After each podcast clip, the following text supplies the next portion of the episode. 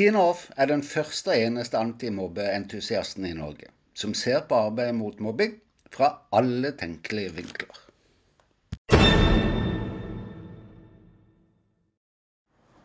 Du vet, noen ganger så er det små justeringer som skal til, som fører til store endringer.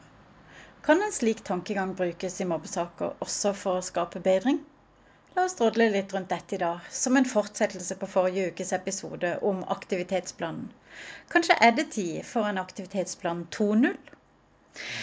I mange år har det vært særlig bagatellisering, variert saksbehandling og skjev maktfordeling mellom skole og hjem, som foreldre har opplevd utfordrende vis-à-vis -vis skolen. Disse tre har ridd antimobbearbeidet som en mare opp igjennom. Og det var jo nettopp praksisutfordringene som skulle løses da mobbeloven ble endret til dagens skolemiljølov. Enkeltvedtaksordningen var en stor del av dette, fordi den varierte bruken av ordningen hadde stor betydning for foreldrenes muligheter hvis de skulle finne på å klage eller prøve saken for retten. Det er vel liten tvil om at erstatteren for enkeltvedtaksordningen, nemlig aktivitetsplanen, ikke har fått bukt med de tre utfordringene. Kanskje den største, eller i hvert fall en av de største svakhetene ved antimobbesystemet i dag, er at vi mangler resultatkrav. Det stilles ingen krav til skolen når det gjelder barnets utvikling og læring i kjølvannet av opplevd mobbing. Ja da, forarbeidene til skolemiljøloven setter listen for måling på antallet tiltak. Svakheten med slik måling er at antallet tiltak sier ingenting om hvor gode tiltak er for det enkelte barnet. Ei heller hvilken virkning tiltakene har på barnet i skolehverdagen, eller resultatene som oppnås gjennom disse tiltakene. Barnets helsekonsekvenser i kjølvannet av mobbing.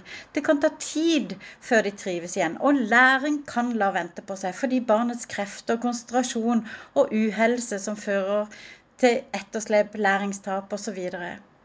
Uten at det stilles krav til skolens kvalitet, effekt og resultater for barnet, vil ikke dagens praksis med bagatellisering, variasjoner og maktskjevheter kunne fortsette i beste velgående. Her er dagens utfordring å svelge. Klart skolen må ha styringsrett i mobbesaker. Det er jo barnets skolehverdag skolen har ansvaret for. Ordningen med aktivitetsplanen er skapt for å kunne etterprøve beslutningene skolen tar, men altså ingen resultater. Sånn som i hvilken grad skolen klarer å gjenopprette trygge og gode skolemiljø som fremmer helse, trivsel og læring gjennom de tiltakene skolen setter inn. La oss dvele litt ved akkurat dette. Et miljø som fremmer helse, trivsel og læring. Mobbing rokker jo nettopp ved dette. Tryggheten, helsen, trivselen og læringa. Det er her potensialet for ny versjon av aktivitetsplanen ligger, tenker jeg. La meg bare minne om at aktivitetsplanen ikke har noen nasjonal standard utover de punktene jeg pekte på i forrige ukes episode. Hver fylkeskommune og kommune eller skole kan ha sine egne aktivitetsplaner, altså velge hvilke punkter de tar med i skjemaene som brukes. Det skriker ikke akkurat kvalitet, ei heller sikring av effekt eller å sørge for resultater. Det det derimot gjør, er å sikre forskjeller i saksbehandlingen. Og så store forskjeller er det ikke i et barns behov i kjølvannet av mobbing. I aktivitetsplanen versjon 2.0 foreslår jeg en overskriftsendring og to nye kolonner. I overskriftsendringa så gjelder det fremfor evaluering av et tiltak heller hvilken virkning tiltaket har for barnet. Og så én kolonne for foreldres kommentarer og én kolonne for helsesektorens kommentarer. Hvorfor så enkle forslag? Jo, i dag så sender skolen foreldrene aktivitetsplan hver gang den blir endra. Med en tilleggskolonne for foreldrenes stemme kan foreldre skrive inn barnets stemme og foreldrenes opplevelse av effekten et gjeldende tiltak har. Det er nemlig ikke alltid så lett for foreldre å bli hørt, eller at foreldres uenighet eller erfaringer mot et tiltak inkluderes i en aktivitetsplan. Samtidig med dette er også en kolonne for helseskommentarer lurt å ta med. Helse kommer riktignok ofte senere inn i saker, og da er situasjonen ofte alvorlig for barnet. Hvis helse derimot får skrive inn sine egne kommentarer til tiltak som foreslås, f.eks. hvilke tilpasninger som trengs for å gjennomføre et tiltak, vil det ikke bare føre til bedre kvalitet. Tenk på det. Hvis barnets stemme kommer fram via foreldrene, er det ikke større sannsynlighet for at effekten av et tiltak blir mer ærlig. Ja, for barnet har ingenting å tape ved å foreldre, fortelle foreldrene sannheten, i motsetning til hva barnet kan oppleve vis-à-vis -vis skolen. Og på den andre siden, skolens vurdering av de råd om tilpasninger som helse fremmer i møter, er de gode nok? Skolen er jo ingen helseekspert, men helses råd kan ha avgjørende betydning for barnet.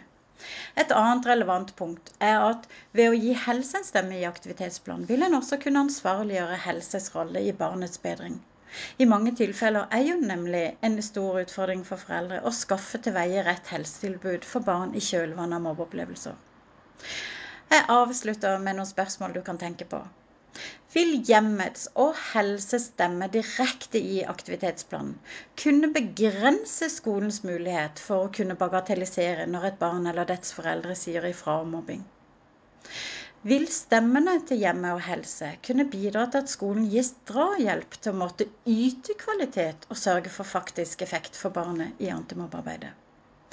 Kan det hende at maktskjevheten ikke lenger blir så stor, fordi klage og rettslige vurderinger vil basere seg på alle de tre partenes stemmer. Og for barnet vil ikke hjemmets og helses tilbakemeldinger gjøre at tilpasninger eller justeringer kan skje langt raskere enn i dag. Kan ikke det igjen gjøre gjenoppretningstiden kortere, læringstapet mindre, og dermed sjansen for langvarige konsekvenser for barnet også mindre?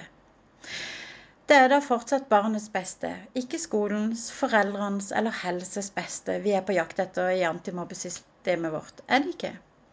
Til slutt kan så enkle justeringer som to kolonner, en overskriftsendring, faktisk gjøre rettssikkerheten bedre for barnet som opplever mobbing også? Jeg spør, du avgjør.